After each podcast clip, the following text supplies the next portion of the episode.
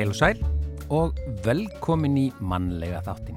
Í dag er þriðju dagur og það er 16. mæ.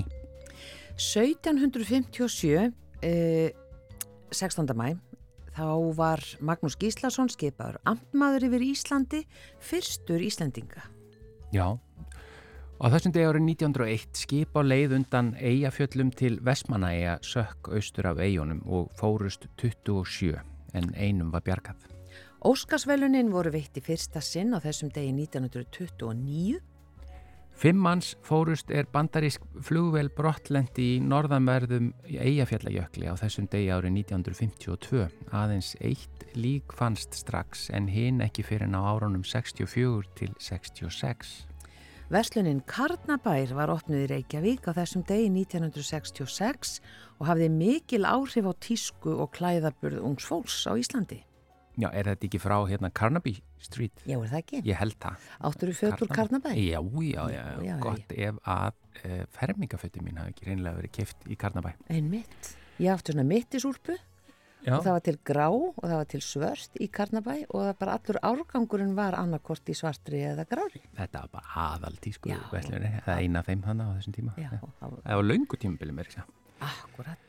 En yfir í efni þáttans í dag, Magna Vita er nýtt nám fyrir fólk á þriðja æfiskeiðinu sem að háskólinn í Reykjavík býður upp á. Um 80.000 eru 60 ára eða eldri á Íslandi í dag og mun sá hópur nálgast 100.000 eftir 10 ár. Eftir að förstu starfi líkur reynist mörgum erfitt með að fóta sig og námið samanstendur af tíu fjölbreyttum námskeiðum sem snúa líkamlegu, andlegu, fjárarslegu og félagslegu hilbriði. Og Bendit Olgesson fyrirandi aðstofafórstjóri landsbítalans og einn stopnenda Magnavita námsins ætlar að koma til okkar í dag og segja okkur betur aðeins frá því. Á morgun 17. mæ er alþjóðlegur dagur gegn fordómum í garð hins einn fólks og á árbæjarsafni þá á morgun klukkan 5 byggst fólki að hlýða á erindi Guðjóns Ragnars Jónassonar mennirnir með bleika þrýhyrningin. En e, svo bók segir sögu ungs samkynneigðs manns í fangabúðum nazista og er frægust þeirra æfisagna sem lýsa hlutskipti homma í þriðjaríki Hitlers. Þar þraukaði e, maðurinn skjálfilega vist í sex ár uns hann fekk e, loks frelsi í lok heimstýraldarinnar síðari og í tvo áratugji sapnaðan kjarki til að sigrast á sásökunum og segja sögu sína sem loks byrtist á prenti árið 1972. Guðjón Ragnar þýtti þessa bók og hann kemur hingað og segir okkur frá hér og eftir. Svo reyðilin Björk Jónasdóttir og uh, hennar vikulega veðurspjall með okkur. Það hefur verið svalt á landinu og hefur jafnvel snjóat uh, að minnst okkar meira en við viljum á þessum árstíma og svo ætlar hún að segja okkur líka frá fellibil sem að gekk á land í Bangladesh og Myanmar í Já, gær. Akkurat, en í dag uh, eru Já, er dágóðu tími liðin síðan Alexander Rybak sigraði söngvakeppni Evrópskra sjómastöða. Það var bara á þessum degi 2009 og í öðru sæti varð Jóhanna Guðrún með læginu Is it true? Heyrum það hér.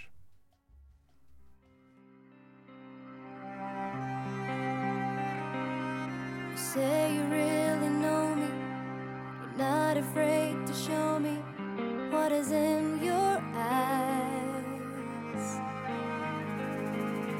So tell me about the rumors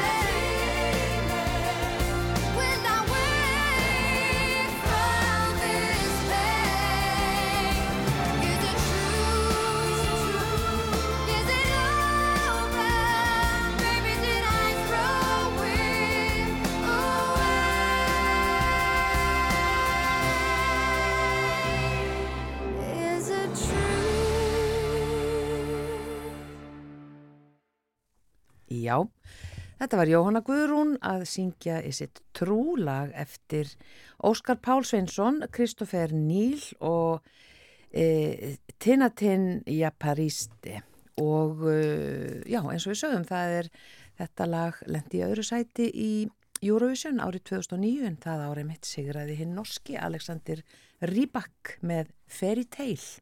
Já, hingað kominn Benedikt Olgesson, fyrirvændi aðstofafástjóri landsbítalans og einn stopnenda Magnavita námsins, þessi, eh, þetta nýja nám eh, á vegum háskólans í Reykjavík, velkomin hingað Já, Benedikt. takk fyrir. Eh, Þú ert einn stopnenda þessa eh, nýja náms. Hva, hvað er þetta og, og, og útskýra þess nafnið fyrir okkur, Magnavita? Já, það er svona forsagan nú svo að ég svona var, náði þeim áfanga, stóra áfanga fyrir tveimur árum tæpum að verða 60 pluss og langt síðan hefði ákveðið að á þeim tímamótum ætlaði ég að hætta í þessu svona þessum krefjandi stjórnundastörfum eh, og eh, stíga bara út úr, út úr því og verða sjálfstæð starfandi. Já. og ég er enda að sitja í þó nokkur stjórnum, ég er nú að byggja upp sprota fyrirtæki með strákánum mínum. Þannig að ég ákvað svona að, að eh, skipta alveg um gýr í, í lífin eiginlega, bara gera, já fara út úr þessu svona hefðbundna starf, starf, fasta starfi Mm.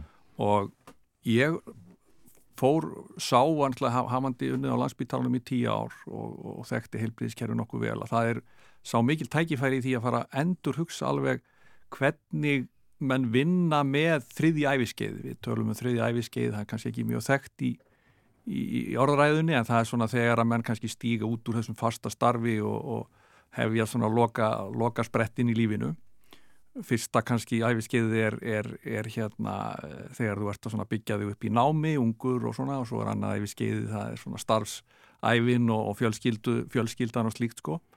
Þannig að ég fór að hitta fullt af fólki og, og ræða mögulega hvar líka tækifæri. Langaði til þess að stopna líka fyrirtæki, bandaríska rannsóknir sína nú og þeir sem stopna fyrirtæki 60 pluss, þeir eru þrefald líklegri til að ná árangri heldur en, heldur en þó að svona, ímyndi sér svo að unga fólkið sé að auðvitað, ná þar margir árangri en, en mér langaði að stopna fyrirtæki líka og fór að ræða fullt af vinum mínum. Margir lönsar, margir, kaffibóllar og meðal annars eh, hitti ég eh, góða vinkonu mína Guðfinnu Bjarnadóttu sem margir þekkanum sem rektor HR og er veri, það er líka 60 pluss sjálfstæð starfandi og svo og uh, það var uh, við, þá kom í ljós að hún var að hugsa nákvæmlega það sama, þarna væri eitthvað sem þurfti að endur hugsa og gera með öðrum hætti.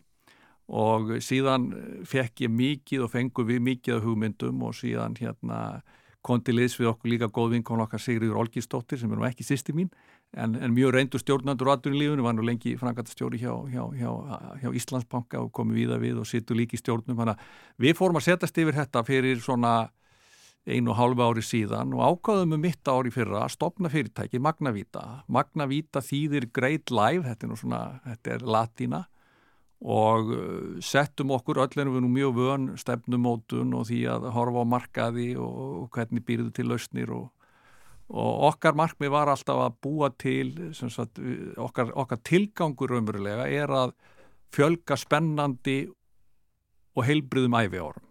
Það er svona daldið, það er það sem við eh, teljum, það er það sem við svona ætlum að, að, að vinna með og við höfum skoðað mjög marga hluti, hitt mikið af fólki og allir mjög hrifnir af þessari viðskipta hugmynd. Við lítum á þetta sem viðskipta hugmynd og teljum að það sé mjög mikilvægt að aturlífið og nýsköpun komi að því að vinna með þetta þriði æfiskeið. Það er náttúrulega staðan er svo að það er fjölgun á, það, í dag er allir svo Íslandi 60 plussum 80.000, verða eftir 10 ár 100.000, tæpur fjórðungur þjóðarinnar. Síðan er fjárhagur og all, all svona á þessum hópi er auðvitað allur annar. Fólk á lífeyriskerfið þetta nú er að koma inn á, nú er stóru árgangandir að koma inn sem að raunverulega náðu að byggja upp lífeyri byggja upp sérregn og menn eru núna byggja upp alls sko, all, all, all fastegna verð og slíkt. Allt býr þetta til að fólk á alltaf aðra peninga heldur en kannski þeir sem eru 80 til 90 ára gamlir í dag. Og, og svo er annað að gerast. Menn vilja bara fara fjárfesti sjálfum sér. Bæði menn hafa bæði getu og vilja til að nýta sína fjármunni í að fjárfesti sjálfum sér. Og með ýmsum hætti.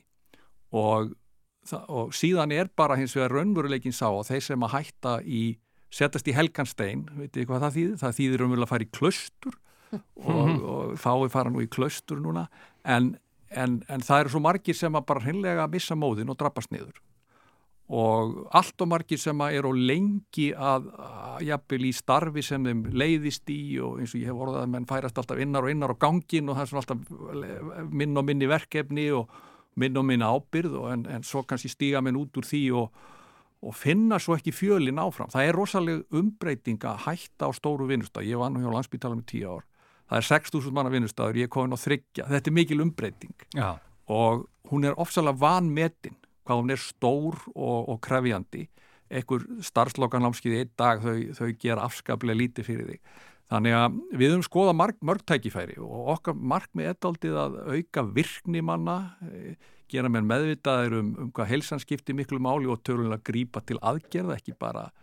Og, og, og svo að styrkja tengslanet og raunverulega að það taki eitthvað mjög skýrt við þegar að, þegar að þessari förstu starfsæfi líkur og við erum að hvetja fólk til að stíga fyrir út og raunverulega byggja sér upp svona eiginlega nýjan karriér. Auðvitað hafa margi, það, allir þekkja þá sem hafa gert, það er eina aðdunugrein þess að menn hafa gert mikið af þessu, það er kringum leiðsögumannin, margi gert þetta með mjög góðum árangur, við viljum vika þetta verulega út og, og við höfum verið í og við sjáum fyrir okkur að búa til svona net samstarfsaðila sem, sem að býr til svona heilstaða lausnir fyrir þennan hóp sem er svona stíg út úr þessu fasta starfi og þá, við, þá eiga menn meðalaldur í Íslandi í daginn okkur 83-4 ár menn eiga kannski bara 20 góð ár eftir og þetta sko, þetta nám eh, sem er að hefjast núna bara næsta haust í Háskólanum í Reykjavík, þetta eru hvað, tíu mismunandi námskeið yfir allan veturinn? Já sko við, það, við ákvæðum það fljótlega ekki síst með gamla rektorin hann með okkur að, að,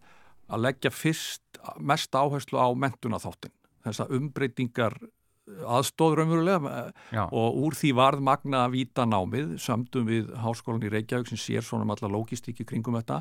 Við hins vegar erum svona sjáum minnhaldið og, og ráðum kennar í þetta og búum til pensumið og þetta eru, við byrjuðum núna í januar Mm. og erum sem sagt hálnuð með fyrsta rönnið, það var 31 nefandi og hefur gengið afskaplega vel, mikið lánaði með þetta og uh, svo verður sem sagt setni hlutuna því í haust og núna erum við að hefja leik, nú erum við svona að byrja að markasetja nám 2 sem að hefst í byrjun september og verður alla næsta vetur og þetta er hugsað þannig að þetta er einn dagur í viku, svona jafnaði í, um, í HR bara frá 9.15 til, til eh, klukkan 3 við erum svona að koma í veg fyrir að menn festist í umferðinni.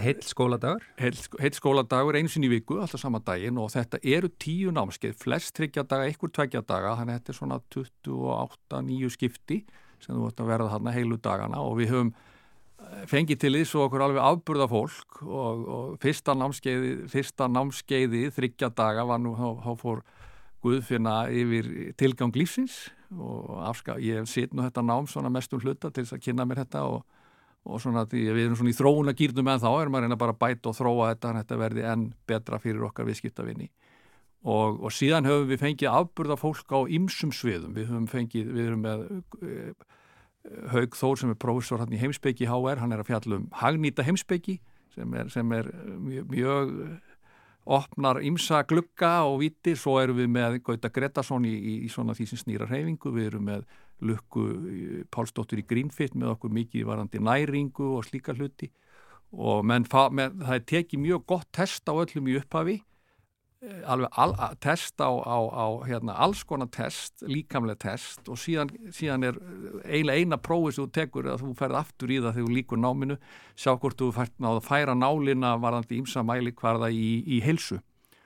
Og, og síðan erum við með hérna talsveit eitt, eitt námi snýst um svona hvetja menn, hjálpa menn að að endur hugsa þessi störf. Við erum að hvetja til nýsköpunar, við erum alltaf í því sjálf og við erum með, hérna, með okkur hann Georg Lúvíksson sem er stopnaður um menika, hann er með fjármála er mikið að hjálpa fólki. Það er flókið, þessi fjármála við, við starfslokk það það er ekki döðvelt að sigli gegnum það og, og við erum svona að hjálpa fólki með, með svona reikni, svona reiknimódel til þess að skoða skoða konar sviðsmyndi fyrir það. Og síðan, síðan og svona setni hlutan og þá erum við með mikið um tengslanett bæði innan fjölskyldna og stóra tengslanetti. Þú þart að þáldi endurhugsa það, þau eru mikilvægina fjölskyldna og, en svo er allt hitt tengslanettið. Við erum með hérna síðan kemur nún Edda Björgvins og verður með áhuga mál og húmor, hún ætlar að verður, það, það námskeið er, er svona á setni hlutanum, við erum ekki búin að keira það ennþá, við keirum það í fyrsta skipt í haust en ég veit að þá er það gaman. Og svo er, nú, svo er hérna Svanhildur sem er fórstjóru hörpunar og mikið. Konradsdóttir sem þekki vel til menningar, hún er með menning og listir og sköpun. Og, og síðan förum við að loka þessu með því að hjálpa fólki raunverulega kortleggja og stefnumóta síðast æfiskeið og það, er- það ég er svona mjög, hef nú mikið komið að stefnumótum fyrirtækja mun miðla því núna hvernig mann geta virkilega nýtta til þess að gera þér alvöru plön og alvöru áallanir til þess að eins og ég segi fjölga spennand og heilbriðum æfi það er það sem við, við stefnum að og er okkar markmið þannig að þetta er svona, eru svona líkamlegu, andlegu, fjárhagslegu og, og, og Já, félagslegu við, við, mál erum, við erum að hérna Guðfinn er nú, hérna, eh, hún er nú hraðlæs og hún er búin að lesa eitthvað 30 bækur um þetta og ég hef nú lesið eitthvað aðeins minna en samt og við Sigríður. En, en við hefum séð það að, við, að það þarf að horfa á fjórar vittir. Við köllum þetta andlega hreisti, Mm. líkamlega hreisti, félagslega hreisti og fjáraslega hreisti.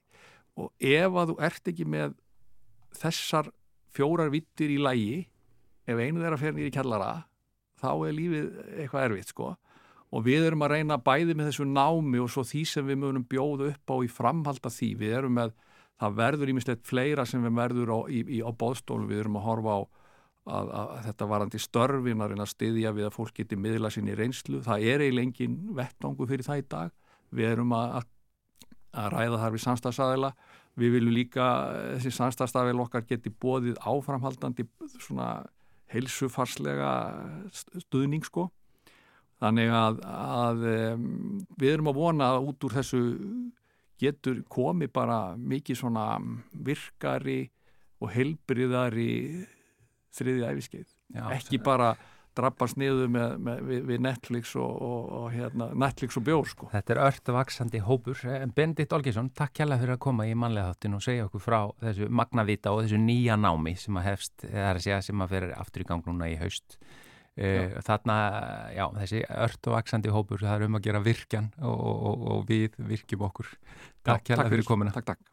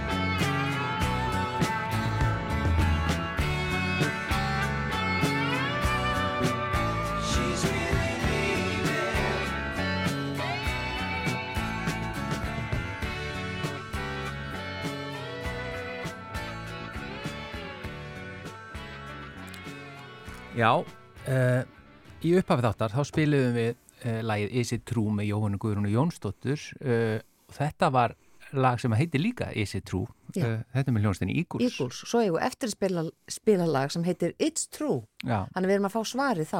Þetta er þema. Já, þetta er þema hjá okkur í Já. dag. Og svo er meiri sér annar lag sem við veitum ekki hvort við höfum pláss en þar stendur True Love. Já, sjáum til.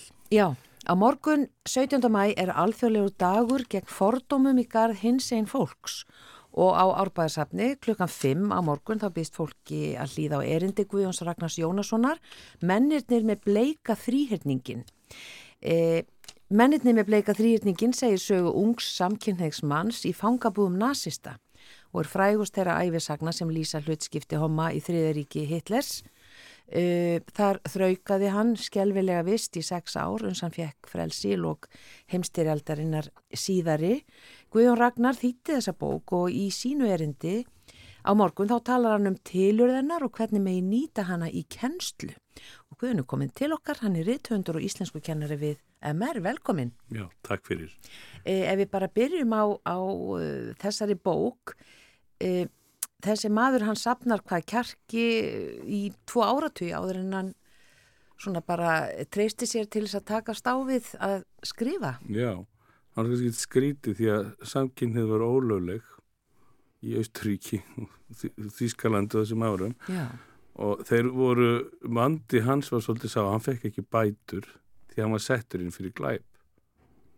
Glæpurinn sem var það að vera samkynning Já, og það má svolítið segja helf, uh, helfur hommana að hún held áfram eftir stríð. Og andið eftir stríð var mjög erfiður og það var ekki fyrir með svona tilkomi 68 kynslarinn og frelsisbaróttu og homo og lesbía og svo áframhaldið hins eginn fólks að hann hafði kjarkin til að segja þessa sögu og hann fekk félaga sinn til að skrifa söguna sem heit Hans Neumann og, og þeir hann kom undir nafninu og þetta var allt gefið undir, út undir dullnefni. Og, na, og það er sko hann vildi verið, hann heiti Jósef Káhótt sá sem er bókin fjallarum og hann náttúrulega treysti sér ekki að koma undir nafni að því að samkynnið var á þessum tíma mjög undir okki ósynleikans og menn gátt ekkert, menn verið að fara dull með sitt líf og gátt ekkert að na, uh, lifa frjálsur lífi og ég óttur að velta þessi fyrir mig bara sko að mér hefur oft fundið svolítið sem þessi helfur hafi staðið miklu lengur og allt framundi bara alla síðustu öldina vegna þess að þú gast, var svona, menn voru að missa vinnu og það var mjög erfitt og menn gátt ekkert verið algjörlega opnir. Þetta er, þetta er svo stutt síðan Já. að þessi, að, að hlutin hafa breyst og mér finnst þetta sko, mér er svo gaman að fylgjast með þessu, ég er svo gaman að að þessi bók hendar gríðarlega vel fyrir kennslu, hún har verið kend í nokkrum framhaldsskólum. Og ég vænti þess að framhaldsskóla kennar fjölmenni á mo- erindi á morgun. Vegna þess að hins segi málin eru mál málana og það kemur fram að uh, ungmenni í framhaldsskólum vilja taka þennan málarflokk svolítið fyrir og þau eru mjög áhuga sem um þetta ungmennin. Og þannig ég er svona svolítið að reyna matriða þetta en kannski þessi bók er rosalega erfið. Hún er rosalega erfið. Er miklu, sko, það eru svo mikla lýsingar.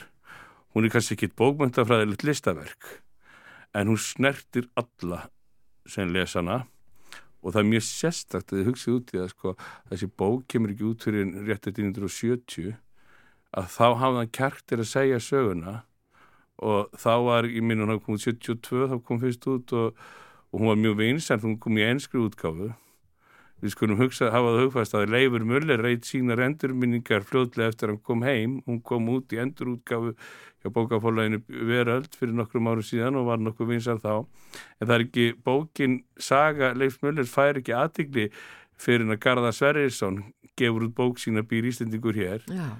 og það var svolítið eins og veröldin væri ekki tilbúin til að heyra þessa sögu fyrir und, undir 1970 og saga hommana hefur eiginlega orðið svolítið mál málana í sko bara í sko, sko bara allra eftir, eftir 2000, það kom 2008 kom minnismerki í Týrgarten í Berlín það er nokkur minnismerkin og það er annað, og ymsa minni hlutahópa sem fóru mjög hallóka þetta er rétt hjá minnismerkin um gýðingana og helfurina Já. þetta er mjög svona átakarlegt minnismerki. Og það er talið að 15, fjó- tí- eh, 10 til 40 manns hafi lendi í þessum hremmingum hafi látið lífið í fangabúðun assista og homarnir voru lagstir af öllum lágum í þessum búðum. Já, þeir voru mertir, fangarnir voru mertir með mismunandi litum af stjörnum. Já, það bleiki þrýrningurinn Já, sem var svona tákmynd sanginnera um, en kannski ekki langan tíma en það var um ákveðum ég mann eftir þessu, menn mun eftir þau gengur fram hjá 22, það var sko bleikur þrýrningur í æsku ykkar muni eftir þessu þegar 22 var barinn í bænum Var bleiku þrýhendingu þá það? já, já, í hörðinni já, sko. já, já, já, ég fór að velta, menn fór að velta hvað er þetta, þetta var svona já, svo kom regnbúafáninn já, og hann var svona takk gleðinnar og svolítið og mennur keirit á gleðin en við þurfum, gleðin er fín, ég til að við þurfum líka að rifja upp söguna og sögu vitund og menningarlega vitund um, líf hins eginn fólks skiptir, eða homma og lesbi og hins eginn fólks sk- skiptir mjög miklu máli fyrir okkur. Já. já, Og þetta er ekki bara í fortíðinni, það er enn verið að, enn þarf fólk að berjast fyrir réttundum sínum, viða um heim. Já, og þess vegna er svona bók eins og þessi, hún er svo mikilvæg, hún segir okkur sögu. Og ég þýtti aðra bók sem fór nú miklu læra, það var æfisaga Magnús Hirsfeld sem síndi það að það var rosalegt líf hjá, eh, eh, í tengslum við málefni homo og lesbía og, og, og transfólks í, í Berlín á árunum milli stríða mm, en svo bara skyndilega 1933 breyttist allt. Og það er mjög áhugavert líka að kynna sér sko hversu mikil breytingur þess vegna fekk ég áhuga á sögu Mangs og Hirsfeld og ég mun aðeins nefna þetta í erindinu morgun þessa þýðingum mína líka því að þetta hefur svona ástyrjað hjá mér á tímabili að kynna þetta en svo hefur nú svona fengist við annars konar skálskap og er svolítið mikið í sveitinni bara aftur því ég er nú sveita maður og nýkomin nú söðburði núna og skrapp í bæinn. En þannig að þetta er þetta er áhugaferðu vingil og ég hvet náttúrulega sem flesta til að koma í árbæðasafna morgun. Já, og ég er afskaplega ánaði líka með hvernig Reykjavík borg hefur sínt þessum málaflokki áhuga og, einna, og sögufélagi endur útgáfu þessa bók út fyrir jólin og ég treysti að þetta er svona bók sem er svona klassíkar sem fólk uh, sko hún er algjörlega tímalaus já. Og hvernig Þú notar hana já, til þess að bera saman í rauninni að þessi, þetta, þessi náttúrulega skelvilega reynsla homma af uh, útrýmingabúðunum á, á þessum tíma. Hvernig nýtur hana síðan til að speikla okkur við nútíman? Sko, ég held svolítið, ég hef svolítið vilja skipta þessu, ég er að taka tímabilu undan þetta tímabil og svo kemur tímabilið eftir strísárin og það er þessi tímabil, það er þögnin sem hjúpaði allt tilveru homma og lesbía og, og transfólks á þessum tíma og, og þannig að þegar baráttan fer ekki að staðferði kringu 1970 þá gerist eitthvað og mér finnst alveg að verða gríðarlega breytingar kringu, 19, í kringu 2000 að, að þessar breytingar sem urðu ég reyna að speikla þetta svolítið í tímabilum. Mér finnst það svolítið mikilvægt.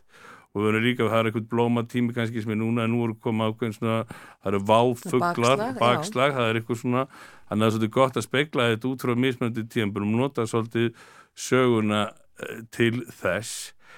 En mér finnst svolítið bara einna, svo er þetta líka náttúrulega til að speikla bara, það er svona, þetta er saga um mannlega grimmt Mm og, eitna, og þannig að ég, við erum svona svolítið að náttúrulega hvernig kennarar uh, taka þetta en þetta er ákveðið samtal og þetta er bók sem heldur fólki við lestur.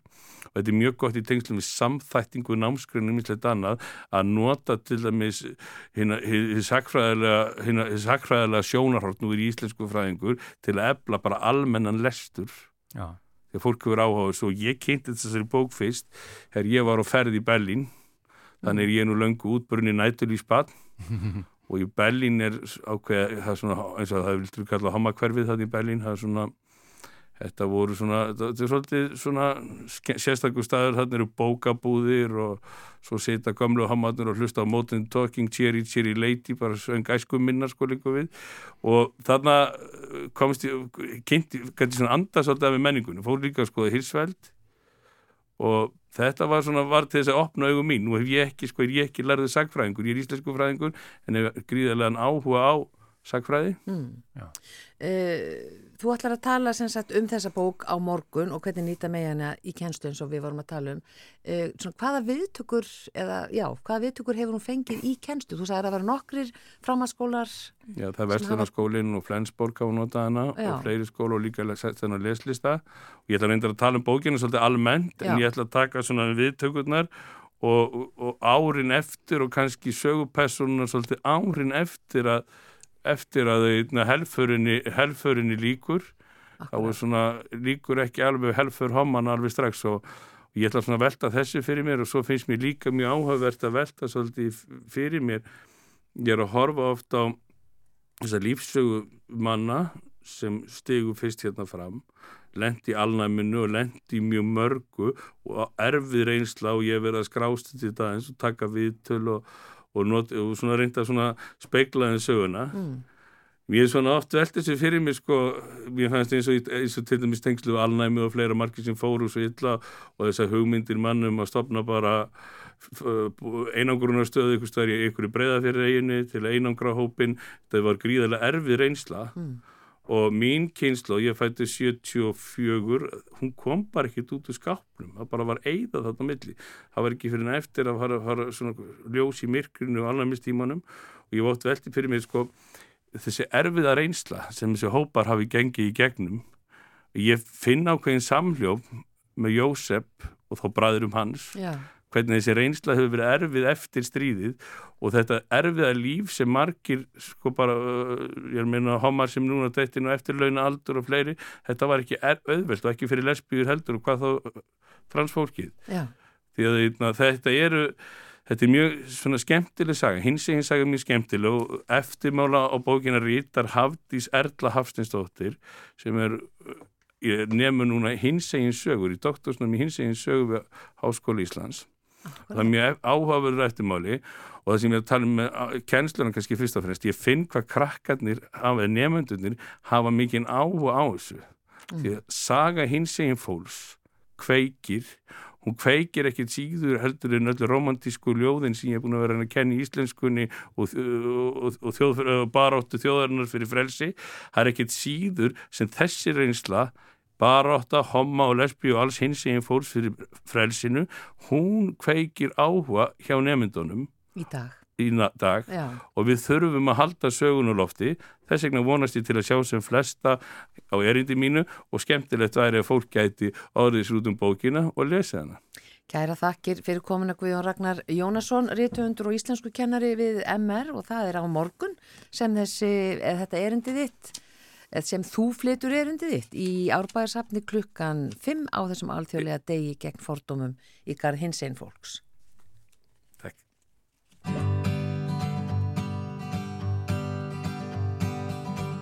It took me time to turn my eyes on you, but I got there in the end.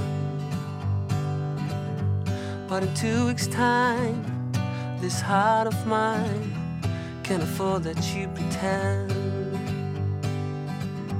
So I said to you, if you don't want me to, honey, tell it to my face.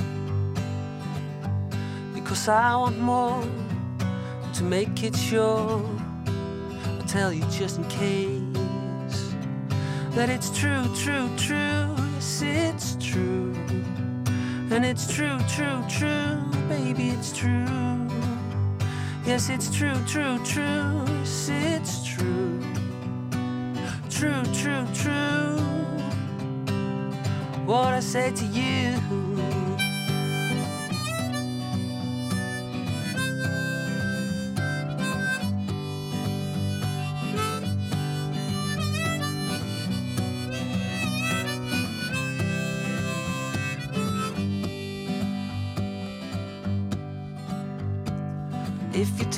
Down.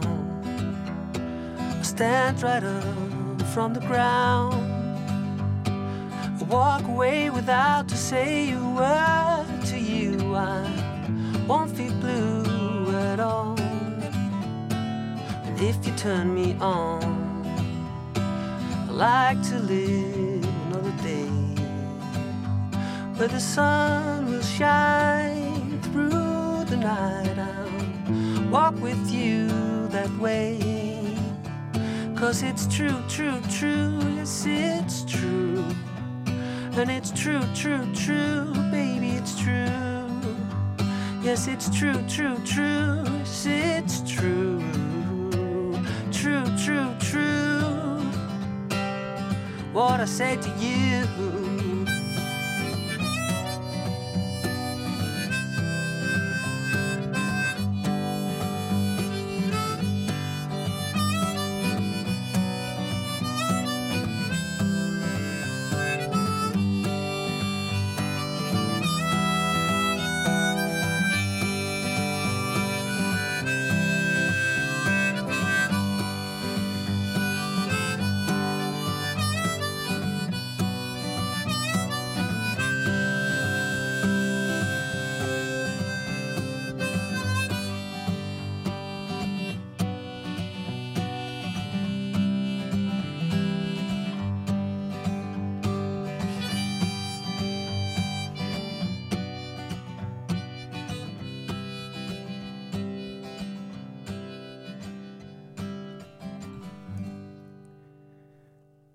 Áfram þetta þema í þættinum, uh, það er segja, það er svona sannleiks þema Já. í, í tónlistinni í þættinum í dag. Það var Easy True og tvö með sér lög sem héttu sama, Já. Spurningin var, is it true? Og Já. svo var henni svara núna. It's True. Það bara, það var rétt. Já. Þetta var hann uh, Bjarki Sigursson, B.S.I.G. eins og hann kallar sig. Já, uh, og hingaði komin, Elin Björk Jónasdóttir, það er veðurspjallið, Veðurspjall. velkomin. Velkomin. Við heyrðum eh, og, og lásum kannski aðalega í fréttum að, að hérna júni á að, ver, á að verða góður, mæ svalur, eh, heldur þetta sé rétt? Mm, Já, ég skulum sko byrja því að, að hérna átt okkur að því að fyrstu tíu dagar í mæ voru 2,2 gráðum yfir meðaltali Nú, Nú, á nú, landinu. Já, já. Þannig að við erum bara svo sjálfkværa við, munum bara hvernig verið var í gæri og það var svolítið kallt í gæri og það finnst okkur allt sem hann hafa verið hérna hræðilegt. Já, og það var einhver snjór. Einhver snjór, já, á já, já. það að þýða á svona á, Já, í svona mæ? ertu gleimin sko, því það hefur snjóað í mæ alla, Tíð. mæmánuði. Já, en ég er að meina, ég vil það ekki. nei, nei, nei, þá þarftu bara að toga eigin okkar hérna svolítið suðrabóin sko. Já, getur gert það kunni? Já, já. já. Bara setja stað starfshóp sko, Já, eh, ég men- Stýrihóp. stýrihóp, já. Já, eh, nei, nei, auðvitað á þetta ekki að koma okkur óvart. Þetta er bara ekki skemmtilegt. Nei, og vonbriðin, sko, ég skil það mjög vel. Vonbriðin þegar við erum farin að fá svona hlýjan, hérna einhvern veginn sunnan þegar og erum, erum svo ána með, með hlýjindin og eins og þegar það ringdi hérna í 10-12 gráðum í síðustu viku og allt var grænt skyndilega Já, og hérna, og 17 gráði hiti fyrir norðan og svo frostdægin eftir, sko. Ég skil alveg að þetta valdi vonbriðin, en svona er þetta bara. Já. mm, En hvað segir það með júni?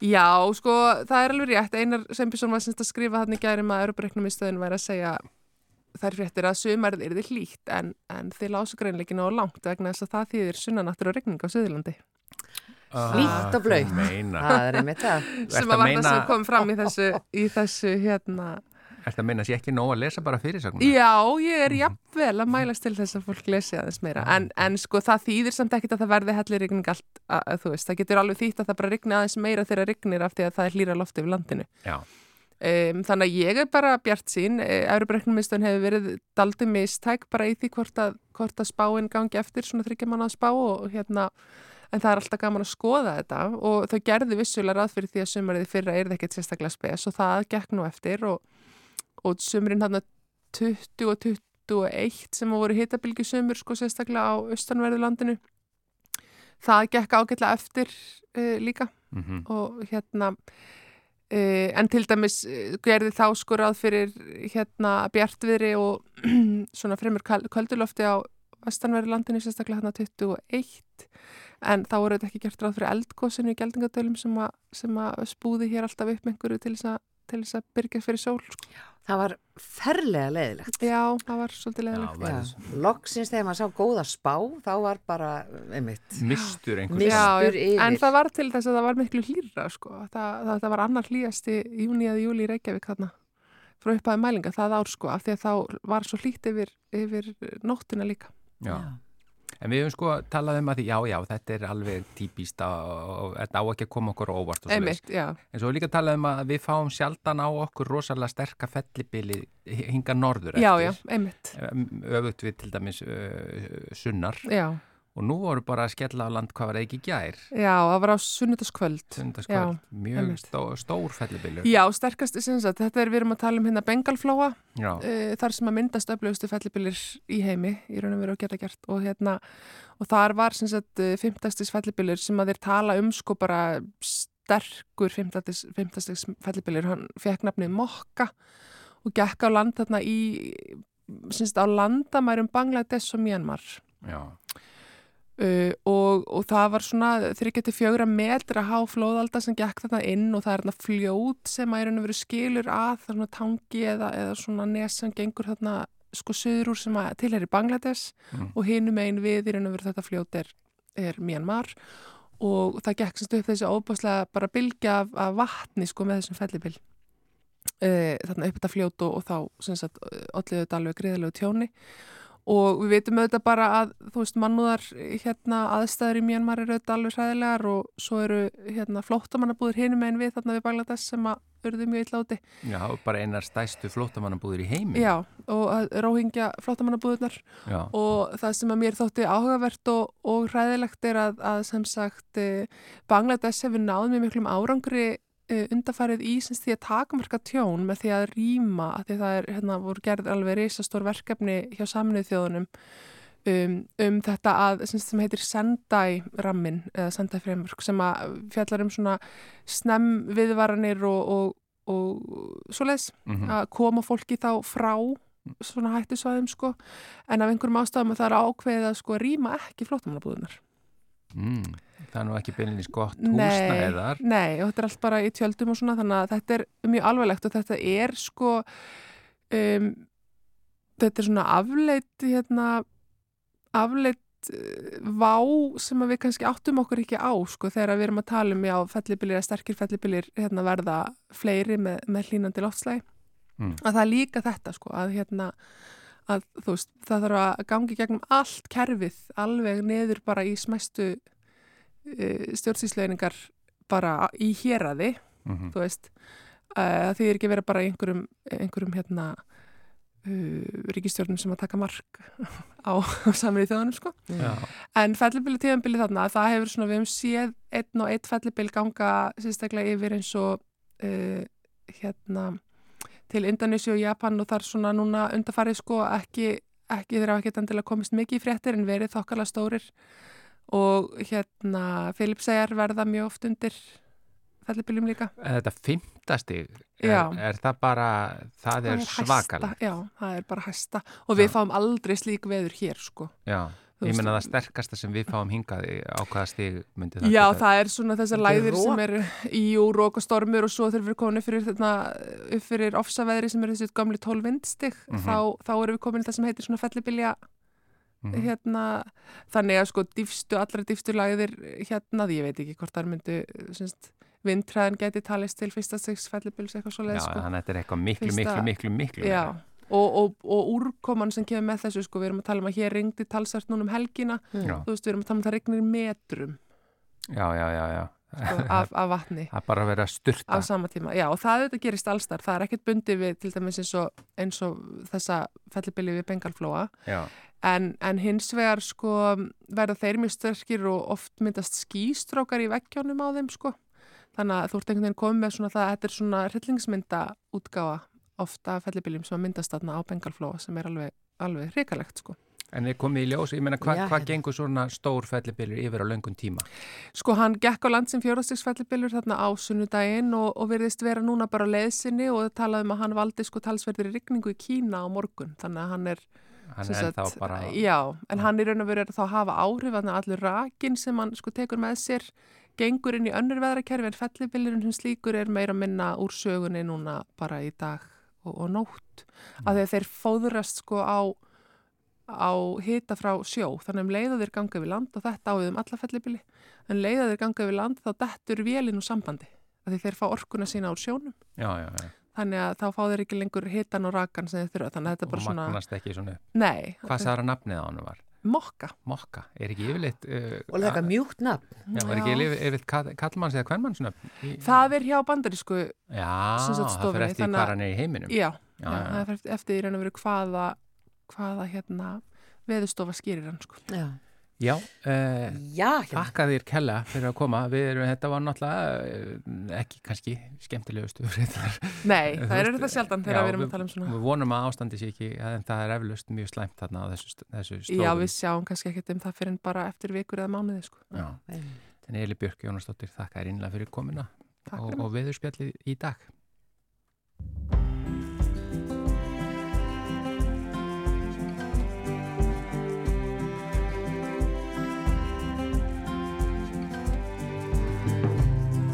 Darkness falls on the town. She stays and he goes out. One more night on her own. Where he goes, no one knows.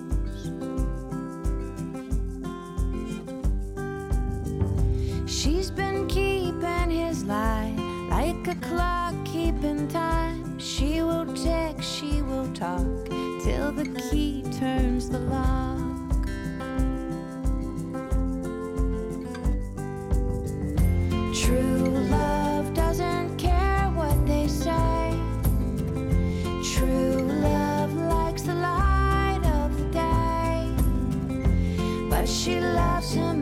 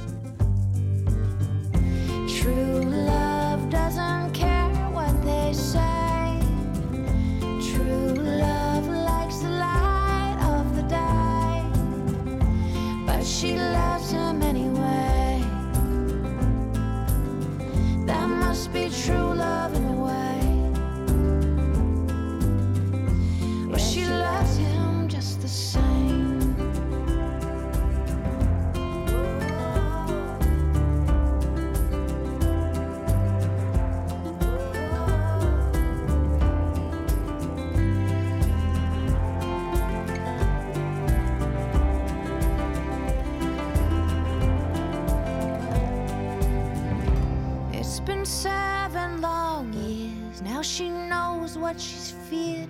He will never come clean, slowly killing the dream. True love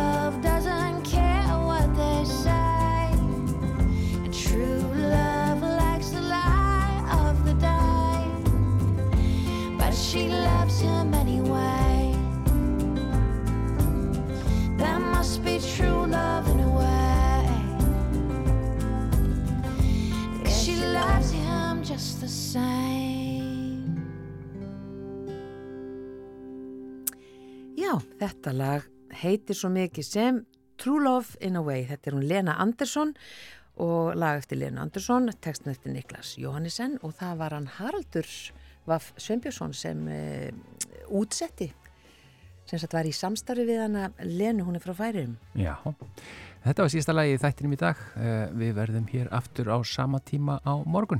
Verðið sæl!